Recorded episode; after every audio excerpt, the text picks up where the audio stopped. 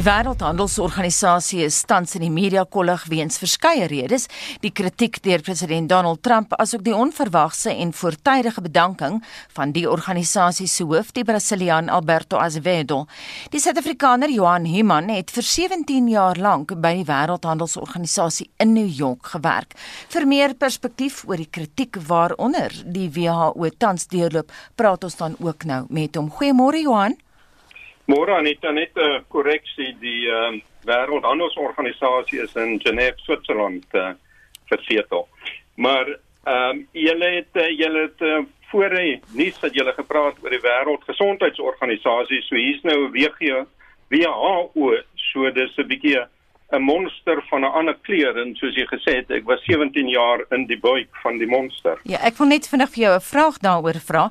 Die New York Times het nou verlede jaar in November gewaarsku dat die Trump-administrasie die WHO lam lê en om die koerant se woorde te gebruik, a US offensive against the World Trade Organization will effectively shatter the group's system for settling disputes at a time it's most needed. Stem jy saam? Dit is presies wat gebeur het um, Anita in Desember verlede jaar het um, die uh, kom ons noem maar die appelraad van die van die WG WG wêreldhandelsorganisasie ek is gewoond aan WTO ekskuus. Ehm um, tot die einde gekom want Amerika het die vervanging van die sewe lede geblok. So daar was net een oor in Desember so tot uh, en jy drie nodig om 'n uh, 'n uh, divisie te vorm. So die tweede uh vlak van geskulbeslegting in die uh wêreldhandelsorganisasie het effektief tot stilstand gekom. Johan, dink jy die FSA sal onttrek uit uit die nee, handelsorganisasie? Nee, nee, nee, nee, ek het geen twyfel daaroor dat Lisa sal onttrek nie, want terselfdertyd verlede week toe Roberto Azevedo gesê het hy tree 'n jaar vroeg uit, het um, senator Hawley van Missouri het hy uh, eers op het ook in die New York Times uh, betoog dat die FSA moet uittreë en dat die W uh, die weer uh, wêreldhandelsorganisasie tot 'n einde moet kom. En hy het uh, verlede Vrydag 'n gesamentlike resolusie by die Kongres ingedien tot daai effek. Nou dis niks niets nie, dit twee keer voorheen in die verlede gebeur, die uh, Uruguay round ehm um, uh uh implementation act van van die Amerika maak voorsiening dat dit elke 5 jaar gebeur. Nou in die twee vorige kere is dit met groot meerderhede afgestem, maar ek dink die keer gaan dit baie close wees, maar die FSA kan nie die WTO toemaak nie. Dit uh dis 'n uh, um uh organisasie, dis nie eintlik 'n organisasie nie, dis meer 'n ooreenkoms. Die basis van ons is verdrag, so almal het saamgestem. So die FSA kan terugtreë uit die uh wêreldhandelsorganisasie en dit gaan 'n groot slag wees vir die organisasie, maar die res sal voortgaan. Nou goed, finansiëel gaan dit 'n bietjie 'n slag wees van die uh, Amerika draai 11%, dis omtrent so 25 miljoen dollar 'n jaar by tot die begroting. Die groot Die groot vraag Johannes, hoekom gaan Roberto Azevedo voor sy tyd loop? Ek verstaan daar was 'n drama aan Davos. Ja, daar's ek dink twee redes. Nou spekuleer ek. Hy het vir sy personeel gesê daar's niks, dis 'n persoonlike besluit. Niks, hy het niks politieke aspirasies nie. Daar's niks anders op die lyn nie. Sy gesondheid is goed ensovoorts ensovoorts. Maar daar's daar's twee goed. Die een is dat hy volgende jaar in Junie moet daar 'n ministeriële vergadering in Kazakhstan plaasvind. Elke 2 jaar word dit gedoen. En sy normale termyn sou uh tot einde gekom het in Augustus volgende jaar. So dit dit maak eintlik sin en ek dink is 'n baie verantwoordelike skuif van van uh Azevedo om 'n jaar vroeg uit te tree om sy opvolger dat sy opvolger aangewys kan word in 'n goeie tyd. Maar ek dink hy het miskien ook 'n bietjie stoom verloor in uh, Davos met die uh, met die uh, uh World Economic Forum se vergadering het hy 'n um, gesprek met uh, president Trump gevoer. En na die gesprek het Trump hom ingesleep in 'n uh, perskonferensie waarvan uh, Roberto nie bewus was nie. En hy staan toe hier langs Trump en aan al die vrae in die hele perskonferensie gaan oor huishoudelike sake in Amerika. En uh, toe ek klaar is, sê hy nou maar hier's my vriend uh, Roberto Azevedo en hy stem nogal met my saam dat die WTO die, die wêreldhandelsorganisasie moet um, radikaal hervorm word en hy en 'n span kom binne 2 weke het ek hulle genooi Washington toe en ons gaan nou die ding uitsorteer. Nou as jy verstaan hoe die wêreldhandelsorganisasie werk, dan uh, dit was 'n groot groot verleentheid vir Azevedo en meer as net 'n verleentheid. want toe hy terugkom in in Genève was alle hel los. Ek was toevallig daai week ook in in Genève in die gebou en die ambassadeurs daar was smoor kwaad vir hom.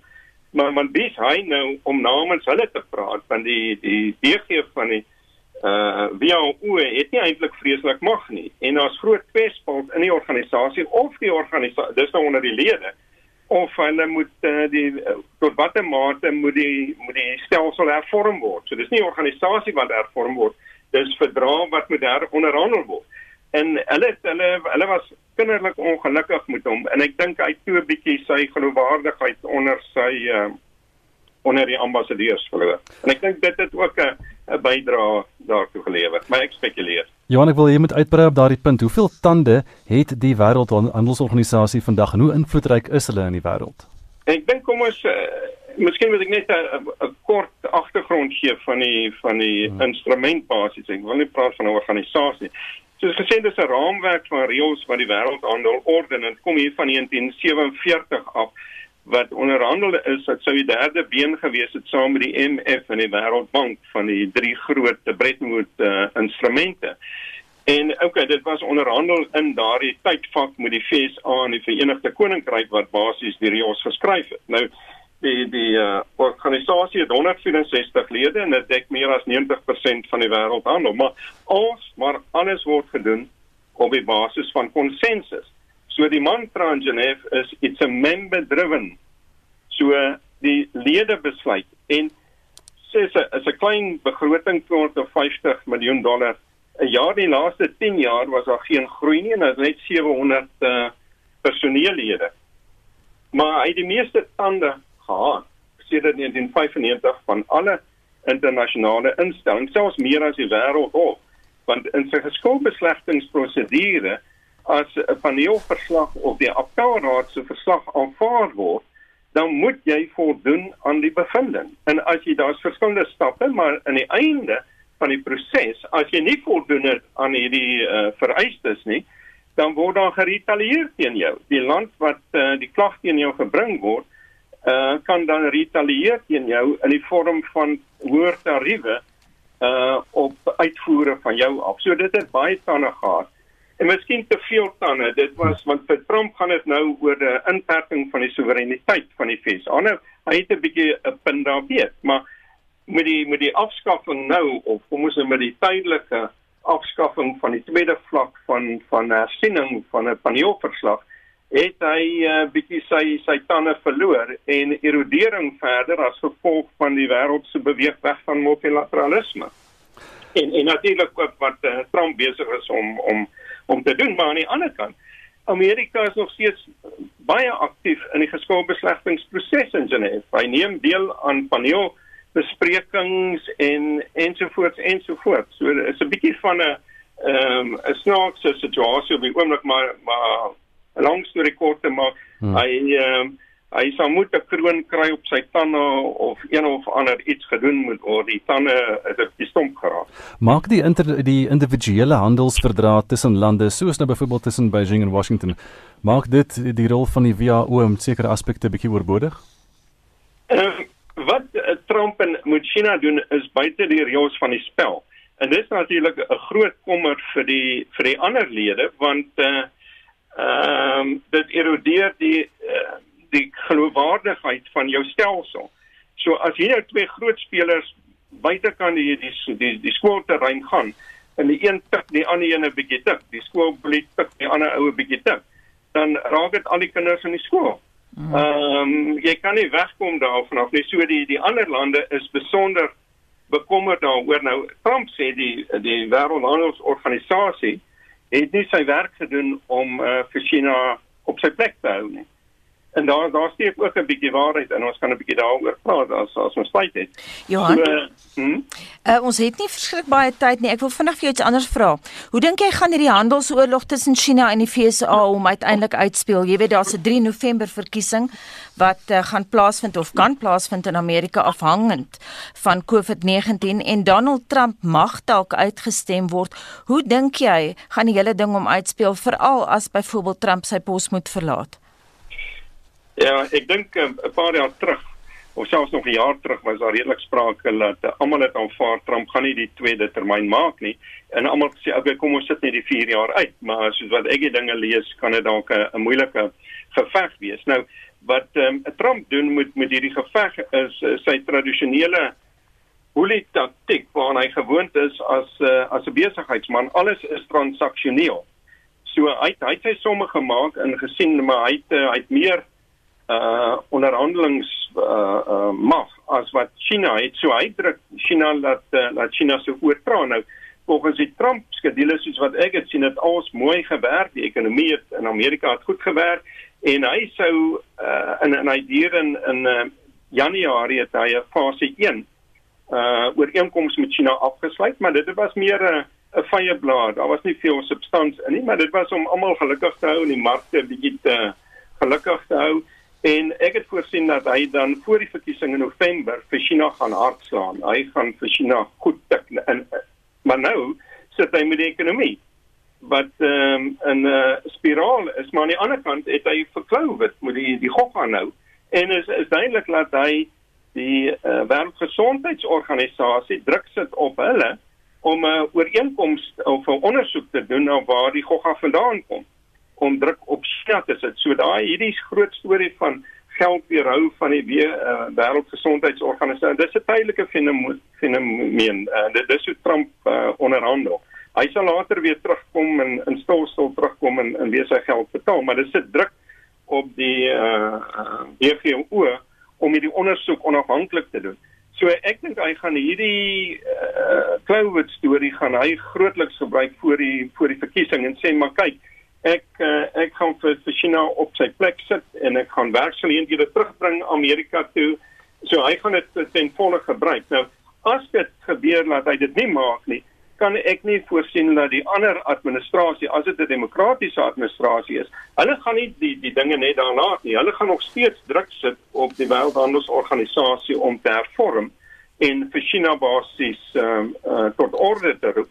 Maar dit dit gaan 'n moeilike proses wees want op een ding is daar uh, wat noem bipartisan support in Washington en dit is op handel. Ek was so 2 jaar terug in in Washington en uh, wyd ge, gepraat en gekonsulteer in uh, konferensies bygewoon en ek was verstom dis die eerste keer in my 34 jaar wat ek met die goed besig is wat ek soveel ehm um, ondersteuning uh of eensgesindheid onder die twee partye gehad het. So dit gaan miskien 'n bietjie sagter wees, maar dit gaan nog steeds daar wees. Johan, as dit nou gebeur uh, weens al die redes wat jy nou sopas gegee het dat uh, Joe Biden die verkiesing wen en hy is op 20 Januarie die president, um hoe baie harde werk gaan dit wees om die prentjie om te draai met iemand anders wat dan nou vir Roberto Azevedo gaan opvolg? dit gaan dit gaan 'n baie baie tawwe job wees want met Trump se uh onderhandelingstegnieke of hoe hy sy besigheid doen is hy um, ons het almal al gesien op op TV hy spaar niks in niemand nie en hy hy vernietig vertroue so ver soos wat hy gaan. Ehm um, en en met hierdie tipe van goed moet jy vertroue op uh opbou en dit vat tyd, maar jy kan dit in 'n oogpunt vernietig en as jy dit eers vernietig het, dan vertrou die mense jou nie. Nou wat ek gesien het in in my tyd in Genève, ek is so 20 maande terug daar daar weg is dat die, die mense vertrou net nie meer wat die Amerikaanse verteenwoordigers sê in vergaderings nie. Hmm. En as hulle iets sê en hulle sit dit op skrift dan weet hulle nie of dit volgende week nog uh, gaan staan nie, want die, die president verander sy sy siening handomkeer want wat wat my uh, vriende in die administrasie vir my vertel het is hy luister nie graag na goeie tegniese advies nie. Hy is baie uh gevestig in sy sy manier van dinge doen. Nou jy kan nie alles is transaksioneel. Nou jy kan dit nie net so oorplaas na die wêreldhandelsorganisasie. Jy weet nou ek is 66 jaar oud en my vrou sal vir jou sê ek is gevestig in my weë. Nou Trump word 74 volgende maand. Nou jy gaan hom nie verander nie. So ek, ek dink dit gaan 'n na uh, die, die Biden administrasie gaan 'n baie baie harde job hê om ons hier op op koers te sit. Ja, net laasens, wat sê jou antwoord wees aan luisteraars wat vra, maar wat op aarde die WHO met my te doen? O, alles, alles. Al Suid-Afrika se invoere en uitvoere deur RIOS word daar daar uh, word beheer deur die verdrag, selfs dienste uh intellektuele goedere reg. Uh so die hele in- en uitvoer besigheid is onderhewig aan die verdrag. So dit raak Suid-Afrika direk. Selfs Trump se opdredere uh, uh raak Suid-Afrika direk. Hy het uh want uh, hy uh, verlede jaar het hy gesê dat uh, daar moet gekyk word na Suid-Afrika se stemmingspatrone in die veiligheidsraad in opsigte van Amerikaanse resolusies.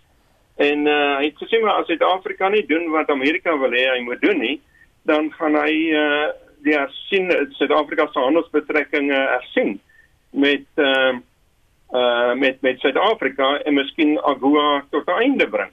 Nou vir Suid-Afrika het in in so 'n situasie het jy daarom nog die Wêreldhandelsorganisasie wat vir jou beskerming bied van dit uh, die die die uh, raamwerk van Rio beskerm vir al kleiner lande want jy kan gaan en jy kan 'n klag gaan lê en jy kan 'n bevinding in jou guns skryf soos wat 'n klein landjie soos Costa Rica het in 1996 Amerika aangevat en gewen.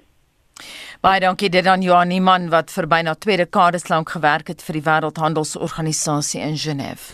Dis nou 25 minute oor 7 jy luister na Monitor op RSG en die vernaamste prestigeprys in die Afrikaanse letterkundige wêreld, die Hertzogprys, word verjaar toegekend aan die digter Johan Meiburg vir sy digbundel Uittog boek. Dit het 2 jaar gelede gedebuteer op die RSG Kunstefees. Die Suid-Afrikaanse Akademie vir Wetenskap en Kuns het die ontvangers van sy jaarlikse pryse gister bekend gemaak. Marieta Kreer het met hom gepraat. Nou almal wat gereeld radio luister, Johan is 'n gas elke week op RSG se program Skrywers en Boeke. Ons praat nou met hom. Johan, voordat ek vir jou welkom sê, wil ek vir jou sê baie geluk. Baie dankie Marieta. Ek dink dis waarskynlik in indien die, die grootste wat mens kan loslaan in die letterkunde nie, né? Ehm, hulle sê so. Ehm, um, dit bly in elk geval uh, bovenal 'n ongelooflike verrassing en 'n groot eer, ja. Wat beteken die prys vir jou wat Johannes? Wel, ek het oor gedink toe ek op skool was, was daar 'n Afrikaans klas gewees waar daar foto's gehang het van digters, ehm um, uh, Leipold, Celie Lou, Vigilo, Opperman. En dit was terwyl mens dan nou in die klas sit, het ek uit die hoek van my oog dopgehou en ek het gedink dit is soos dit lyk as 'n mens dit regte sou kon wees. Die Hertzogprys was ek bedoel dit was in in ons koppe altyd dit is dan soos jy nou gesê het die grootste eerbetoon in Afrikaans. Mm. En as ek al hierdie gedagtes nou bymekaar bring, dan voel dit vir my asof ek myself tog wel 'n digter sou kon noem. Ehm um, dit is die een ding wat ek wat ek graag sou wou wees en dit in die prys is dan weliswaar 'n bevestiging miskien dat ek dalk tog nou wel 'n digter kan wees. Ek kan jou verseker, jy is 'n digter. Ehm um, ek gaan nou vandag my verstout om te sê ek en Johan het in dieselfde klas in dieselfde skool gesit in matriek. Ons was 'n juffrou Betsy van 'n Wesduisen se klas. En weet jy Johannes ek terugdink, dit voel soos gister aan die een kant, maar ek kan jou sê jy kan jouself 'n digter noem. Ons is almal baie trots op jou, die hele RSG familie en jy kan dit beskou as 'n veer in jou hoed. Ja, baie baie dankie. Die digter Johan Meiburg, hy kan elke Woensdag aand gehoor word in skrywers en boeke wanneer hy internasionale letterkunde aan die luisteraars bied. En Marieta Kreer het met hom gepraat, die bekroonde regisseur van radiodramas op RSG en 'n uh, verwerker van tekste vir die radio Eben Kruiwagen is bekroon met die erepenning vir radiodrama. Die skrywer en redakteur van Taalgenoot, Johan Jack Smith, het die Eugene Maree Prys ontvang vir sy debuutroman Zola. Smith sê hy is eergisterand ingelig dat hy die gesogte prys ontvang het. Dit was 'n groot verrassing geweest en beslis nog 'n ligpunt gedurende hierdie tyd van inperking. Uh, ek was vroeër die jaar genomineer vir die uh, debuutprys of die UJ debuutprys ook geweest, maar ek het hom ongelukkig toe nou nie gekry nie. Maar ja, nee, dit was 'n uh, regtig fantastiese nuus. Ons het sommer dadelik pizza bestel met vuur. Wat beteken dit vir jou as skrywer veral wat toekomstige projekte betref? Ja, dit is beslis motivering om om nog te skryf. Ek speel nou al met 'n geruime tyd met die idee vir 'n opvolg vir Zola wat seker eers teen die einde van die jaar sal gebeur of ehm um, sal ek begin daarmee. Ek staan besig met my meestersgraad in visuele kunste gedurende hierdie inperking tyd. So daar's soms seker een positiewe ding waaruit ontstaan het so tussendeur die werk. Maar ja, so ek sê dis fantasties. Mens voel altyd speerverhale of misdaadsverhale is 'n bietjie die stiefkind van Afrikaanse letterkunde. Maar as ek sê om so 'n prys te wen, wys dit jou daarom daar of jy dan 'n bietjie meer vleis of was die steek 'n bietjie meer agter dit. Watter aspek van die Suid-Afrikaanse samelewing word in die boek uitgelig? Daar is 'n speerverhaal 'n misdaadsverhaal wat in hedendaagse Johannesburg afspeel. Ek het van die begin af besluit ek wil nie jou gewone polisie prosedure skryf van 'n misdaadtoneel en die polisie is daar en is die volgende leidraad en die volgende moord ensovoorts nie so 'n groot deel van die boek is 'n stadsroman waar Johannesburg soort van sy eie persoonlikheid het en 'n baie groot rol speel in die karakters se lewe. Daar's baie rasse spanning tussen die karakters is nog iets waar ek nie ek wou nie doekies omdraai wat dit betref het nie. Maar dis sonder om dit om prekerig voor te kom. En ja, dit is nogal redelik griesaam die jare wat ek by die Daily Sun gewerk het, mense nogal 'n paar goed daar teëgekom van uh wat werklik gebeur in die land of in die land aan die gebeur is wat misdaad en so betref. So ja, mense nogal bietjie hare op jou tande hê vir 'n uh, paar van die tonele. Maar ek dink dit is 'n lekker leesboek nog steeds. Die terugvoer was baie positief geweest tot dusver. En so sê Johan Jack Smith, die skrywer en redakteur van Taalgenoot en hy het met Jean Esterhuizen gepraat.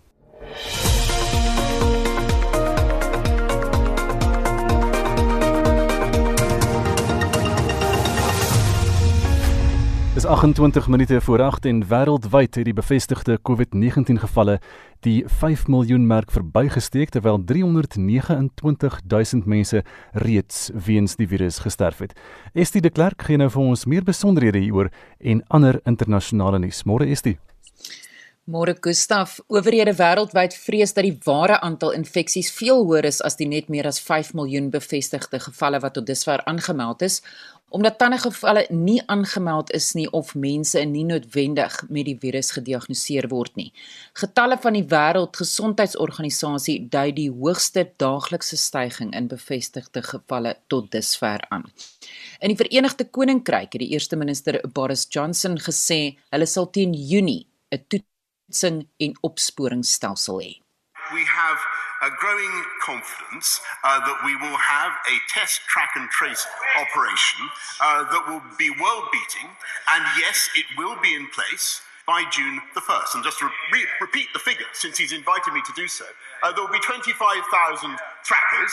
They will be able to cope with 10,000 new cases a day. And that's very, very important because currently new cases are running at about two and a, two and a half uh, thousand a day. They'll be able to trace the contacts of those new cases and to stop the disease spreading.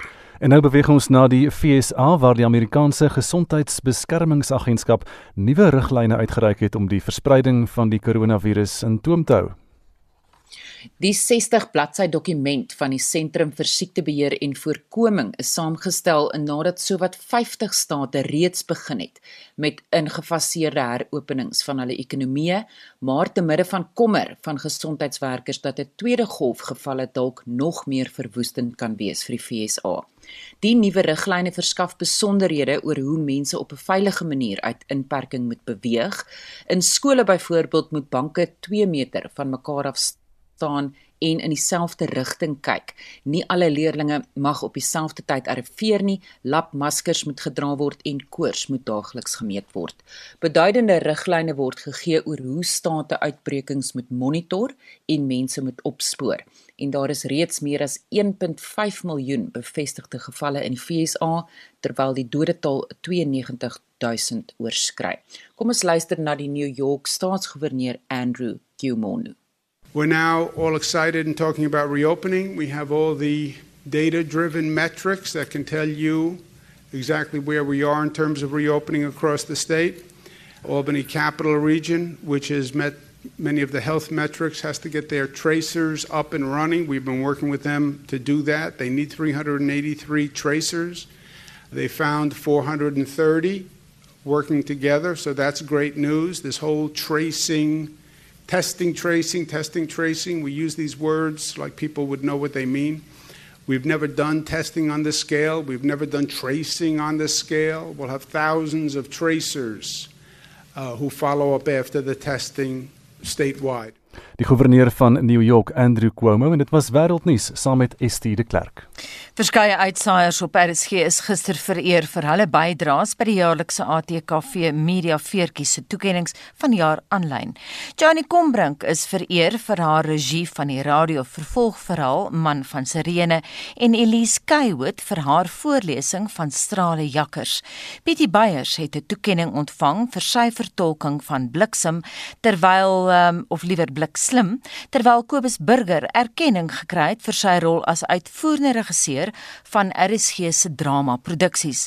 Lenet Francis is met 'n veertjie bekroon vir haar aanbieding van Praat Saam en Frida van den Heever vir haar samestelling en regie van Voetsoldaat van die Vers. Margot Luit en Nick De Jager is vereer vir hulle lewenslange bydrae tot Afrikaanse radio. Mitsi van der Merwe het die besonderhede. Die wenners van die ATKV Media Veertjies is gister aanlyn deur Rosanne McKenzie aangekondig.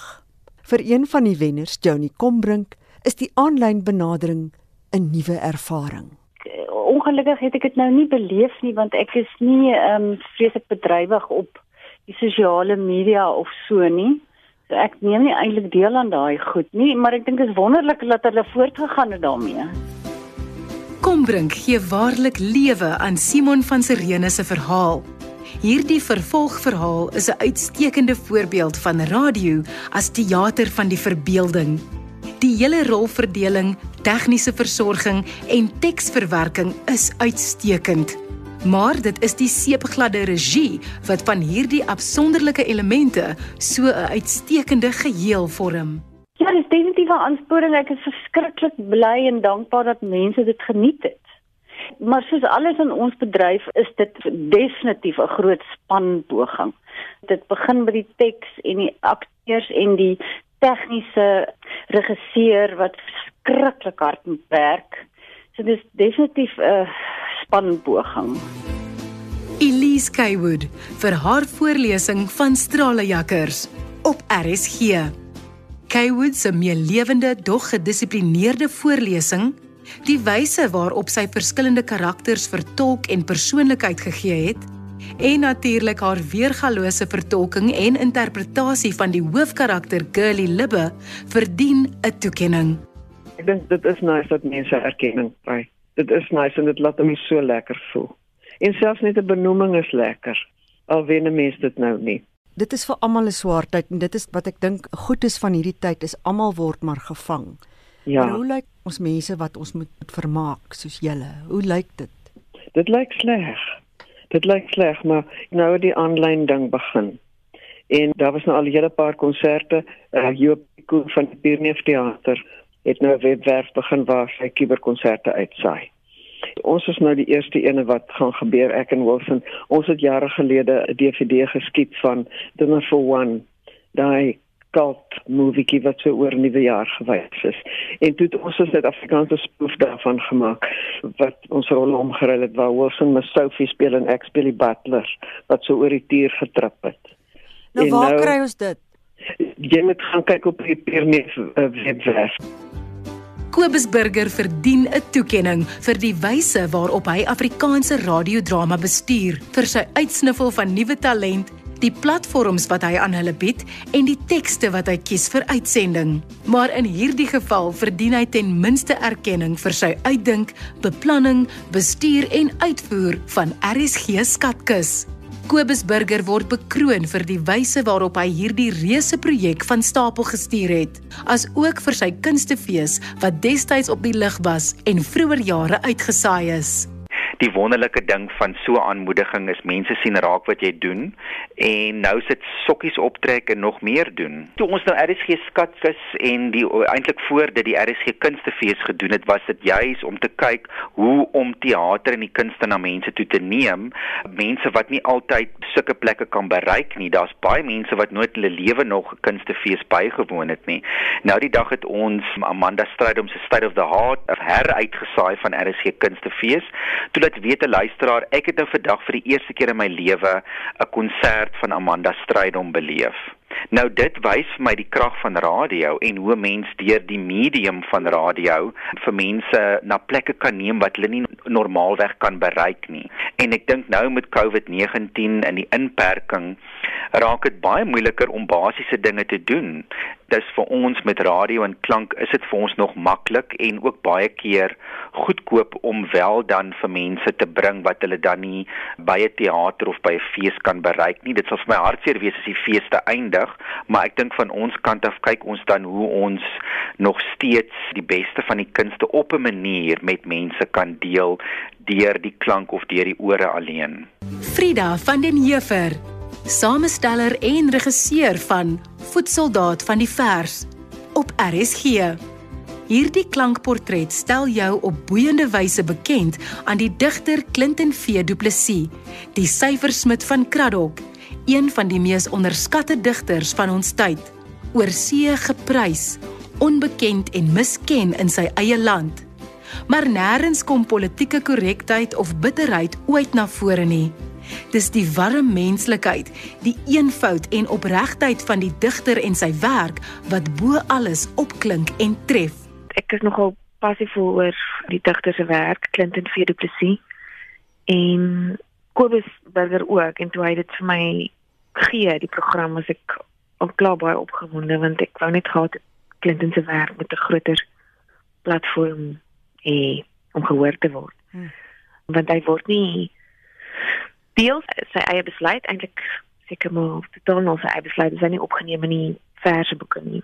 So ja, ek wou gehad het sy bundels moet net gehoor word en die reaksie daarop was so positief en goed ek dink vir hom. Ek het nie ek dit is 'n klise, maar ek het glad nie hierdie verwag nie. Ek het gedog mense moet inskryf vir 'n veertjie en ek het definitief nie ingeskryf so ek het eers geweet toe iemand my vanoggend 'n juffrou van my van die laerskool sê sy iets oor die radio gehoor het. Sê ek van nee, ek dink sy sy eil sy maak 'n fout en ek ja, en dit moet anders my nou ook laat weet. So dis baie lekker, maar dis heeltemal onverwags en dis ek maar die lekkerste daarvan.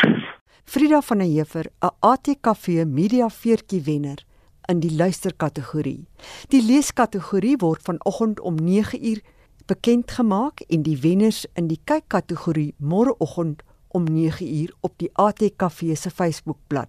Mitsi van der Merwe SAK-nuus. Nou die ATKV het ook vir jaar 2 lewensbydra toekenninge gemaak aan 'n twee veteraan RSG omroepers. Margot Luit is vereer vir haar spel, regie, aanbieding en mentorskap by radio en televisie.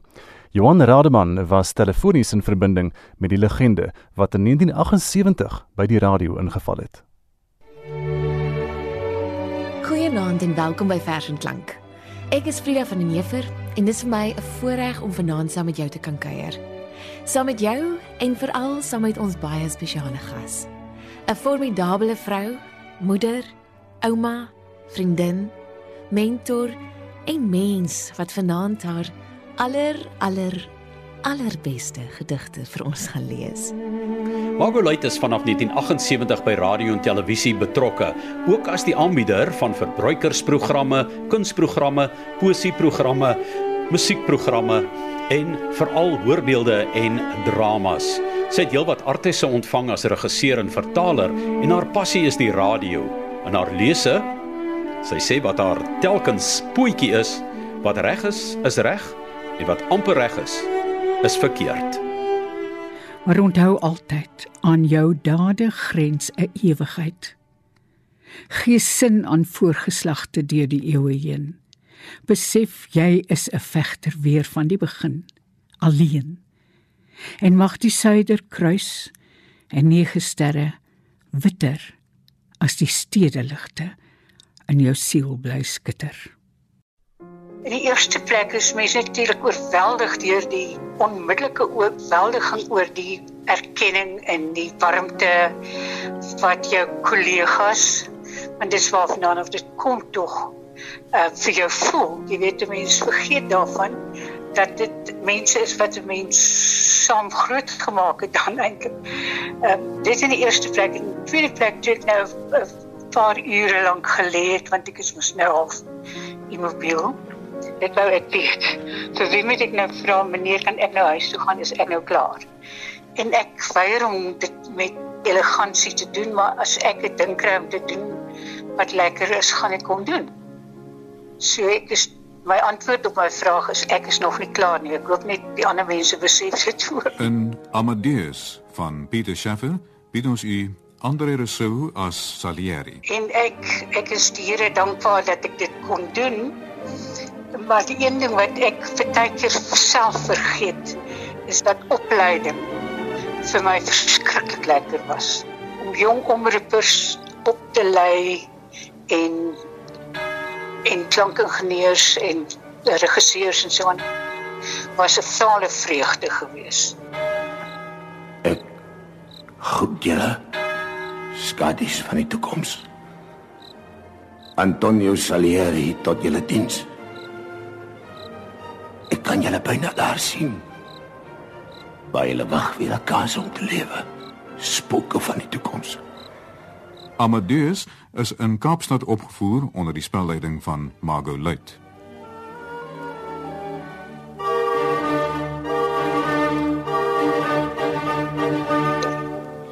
Kyk, jy's nie net 'n goue stem van die radio nie, ook 'n goue intellek en jy was altyd kompromieloos in jou werk soos ek jou ervaar het. Waar het dit vandaan gekom, die toegewydheid? My pa het altyd gesê wat goed is is goed. Wat sleg is is sleg. En wat amper goed is is sleg. Jy weet, so op 'n manier was daar nie kompromie nie, jy's heeltemal reg. Maar ek het ook as jong kind op skool geleer dat ek anders is as die ander meisies. Jy weet, die ander meisies is mooi en maar en wat my lam geslaan het is hulle is mooi en maar dan sal nog intelligent op, jy weet. Ehm um, so ek het geweet ek moet iets anders bring. Wat bring jy na die tafel toe? En al wat ek gehad het is Anapool het altyd op my geskree as ek 'n ding verkeerd maak. Sy sê jou stem, jou stem. Jy weet, ek het geweet ek het 'n sterk stem. Ek het dit ook op die plaas gehad en gebruik. Maar dit, was een van die stukkies gereedskap wat ek gehad het sodat ek wanneer ek gedig kry waarvoor ek so lief was en wat ek verstaan het en wat ek gedink het ek verstaan want baie keer het ek gedink ek verstaan alles en dan kom ek agter nee maar dit is nou Shakespeare ding. Ek dink dit is waar dit vandaan kom. Hy asem hoorbaar en trek terug. Die trap loop voor my oë leeg. Ek klem my aan 'n deurknop vas en word nie agterna gesuig.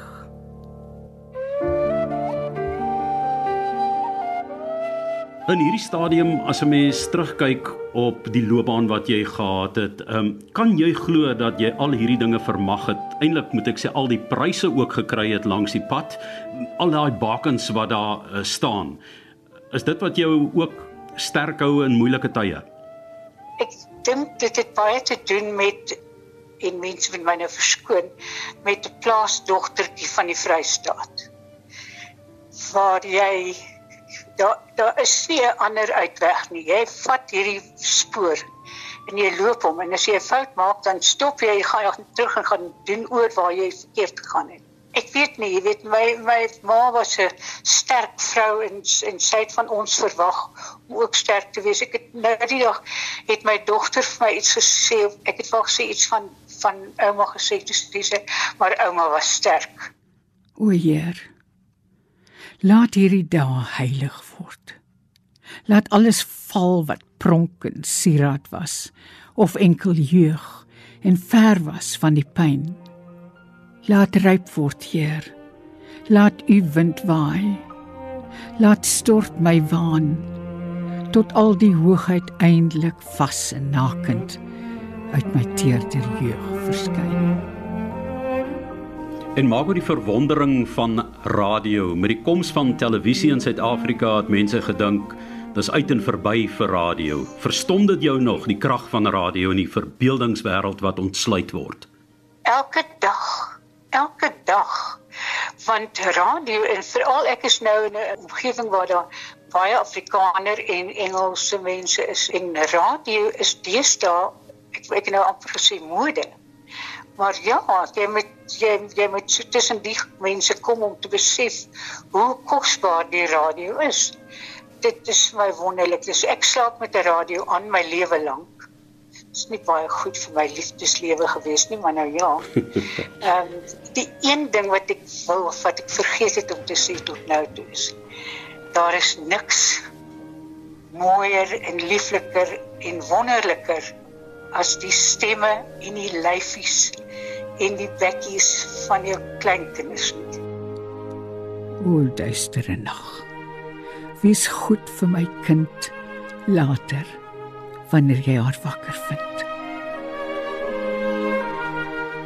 Margo baie geluk weer eens. Baie dankie dat jy so groot deel van die Afrikaanssprekende gemeenskap was, dat jy so hard gewerk het om bru te bou en mense daaroor geneem het. Ek wil amper sê op en van die veld.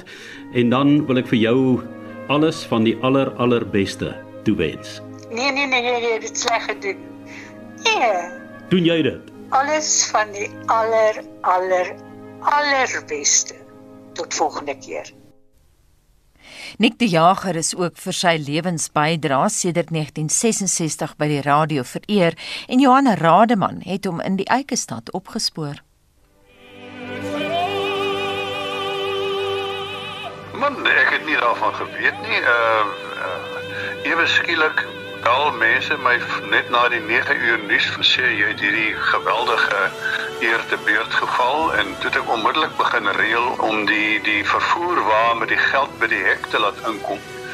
En daarom ook baie dankie te sê vir die lewensvoorraad van wyn wat my nou toe kom. Jy weet by die geleentheid.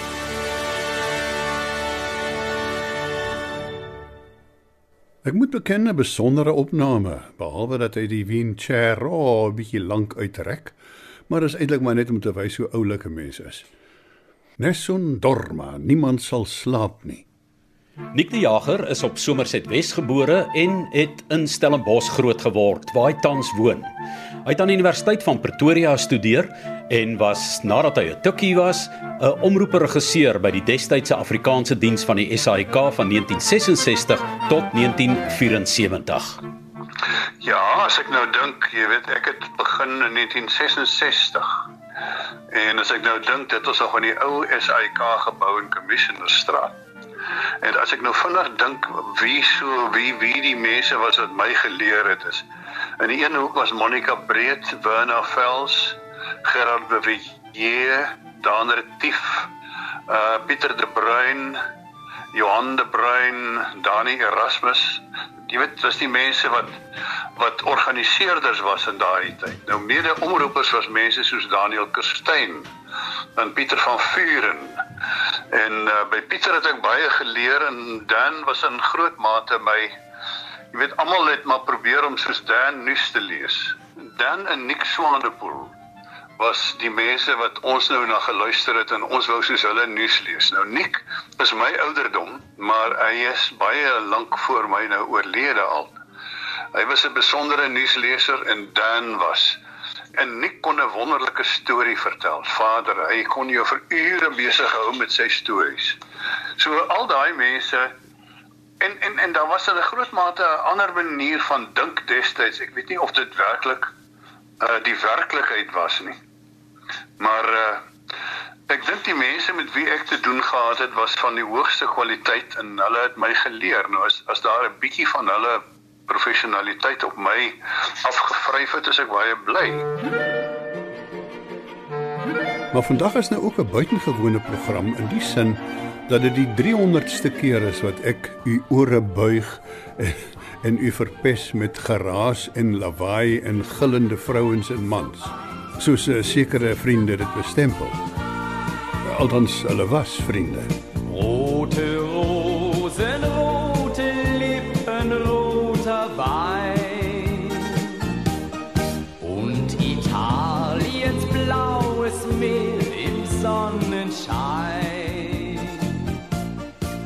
Jy het ook uh, buiten die uitstekende nuusleser waarvoor mense jou ken, 'n groot belangstelling in musiek soos 'n Nick se goed uh, wat ons goed ken, maar uh, jy het dus opera vir 'n geruime tyd aangebied, 'n uh, 'n goeie aanvoeling vir klassieke musiek en kontinentale musiek, Nick. Ja, jy weet ek het 'n geweldige wye klomp goeders gedoen toe ek by die SAIK was. Ehm um, ek het van motorwedrenne uitgesaai want ek is 'n petrolkop. En dan het ek simfoniekonserte uitgesaai. En uh jy weet aan die uit die ou Johannesburgse stadsaal wat nog 'n interessante verskynsel was want jy as die dirigent 'n uh, half minuut laat is of 'n minuut laat is om op te kom dan uh dan moet jy die tyd vol praat. En dan het ek ag jy weet ek het treffersparade gedoen. Ek het uh in die voorportaal gedoen. Ek het uh wat opera die opera programme gedoen vir baie lank. Die stem en die melodie was dit nog. Ek het dit oorgeneem by Daniel Kerstyn. Maar dan dan was 'n baie groot invloed in my lewe. Uh het nou, kom ek kan sê ek, ek as jy vir my sê jy hoor bietjie van Dan en my dan is dit vir my 'n groot eer om te hoor.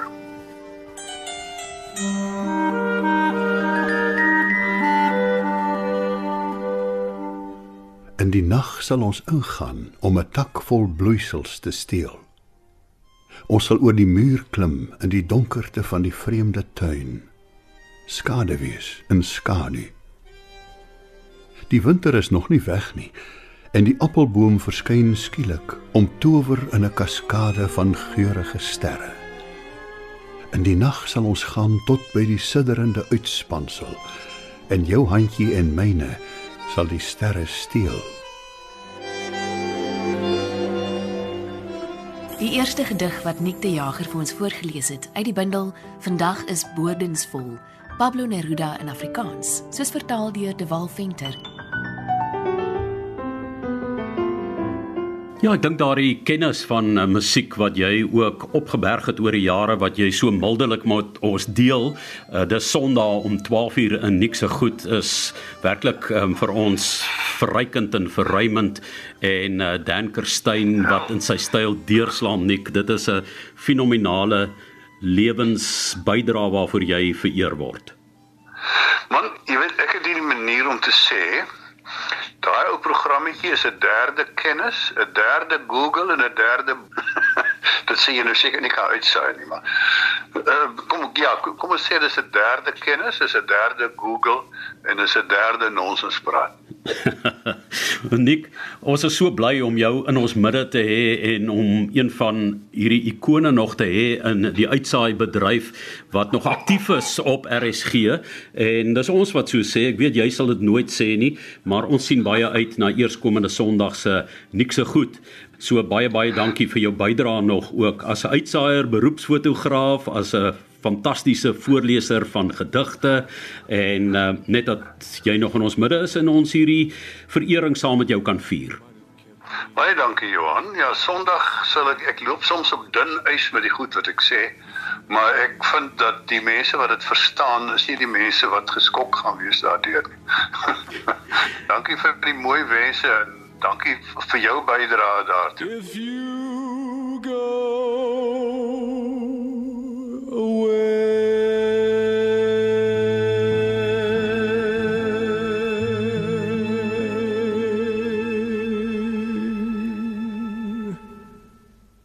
Nou maar die wat swak harte het, gou-gou gaan tee maak, want ons gaan afsluit met een van die mense wat verantwoordelik was vir die hele rock and roll beweging. What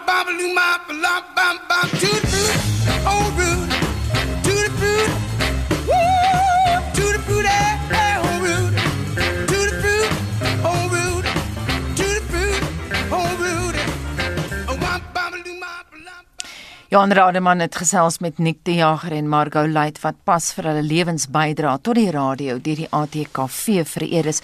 En daarmee groet ons namens ons waarnemende uitvoerende regisseur, dit is nou Hendrik Martin, die redakteur vir Oggend Wes op Pretoria, Daitran Godfrey was ons produksieregisseur, my naam Anita Visser. En ek is Gustaf Vreiding, dankie vir die saamluister na vanoggend se monitor.